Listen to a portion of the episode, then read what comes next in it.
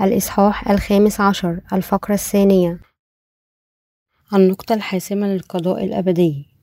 رؤية الإصحاح الخامس عشر. الآية الأولى إلى الثامنة. يصف الإصحاح الخامس عشر ضربات الجامات السبعة التي ستسكب مباشرة بعد نشوة القديسين على أولئك الذين وقفوا ضده بصفتهم أعداء الله. الرقم سبعة الذي يظهر بشكل مشترك في سفر الرؤيا مثل الأختام السبعة والأبواق السبعة والجامات السبعة. يدل على كمال الله وقدرته القدير. يسوع المسيح هو الله كلي العلم والقدير. إن كون يسوع هو الله كلي العلم والقدير بالنسبة لنا يعني أن ربنا هو الله القدير الذي لا يستحيل عليه أي شيء.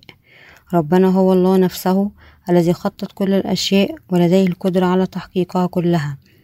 وعلى القديسين على هذا النحو أن يمدحوا الرب على جلاله كلية العلم والقادر على كل شيء وقوته التي تم الكشف عنها من خلال ضربات الجامات السبعة التي كان سيصبها على هذا العالم. نشكر ربنا على حقيقة مثل هذا الحكم. أصبح ممكنا بفضل معرفته المطلقة وقدرته المطلقة أن ينتقم الرب من أعدائه بضربات الجامات السبعة ومعاناة الجحيم الأبدية. بالنسبة للقديسين لا يمكنهم إلا أن يكونوا شاكرين وأنسبهم وهكذا لا يمكن للقديسين إلا أن يمدحوا الرب. الحمد لله. ستصل ضربات الجامات السبع بعد اختطاف القديسين بعد قليل من السنوات الثلاثة والنصف الأولى من فترة السبع سنوات من الضيقة العظيمة.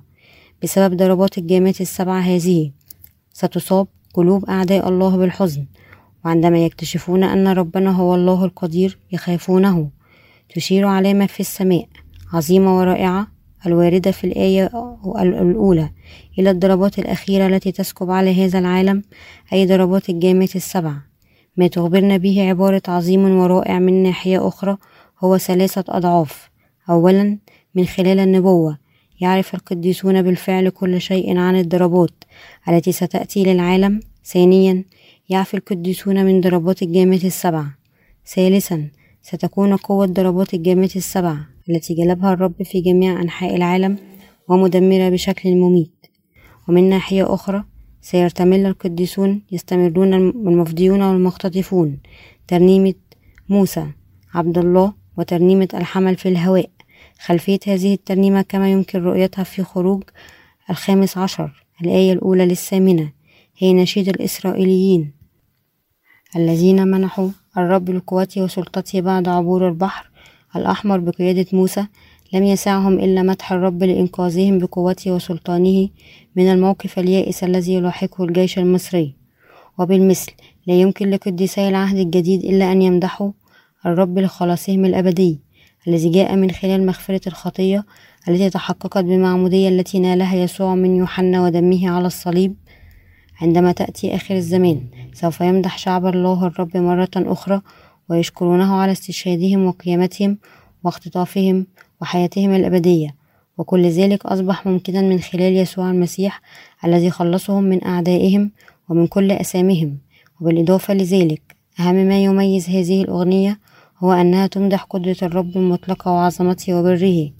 لا يسع الشهداء إلا أن يمدحوا الرب على قوته ونعمة خلاصهم من الخطية وبركة الحياة الأبدية.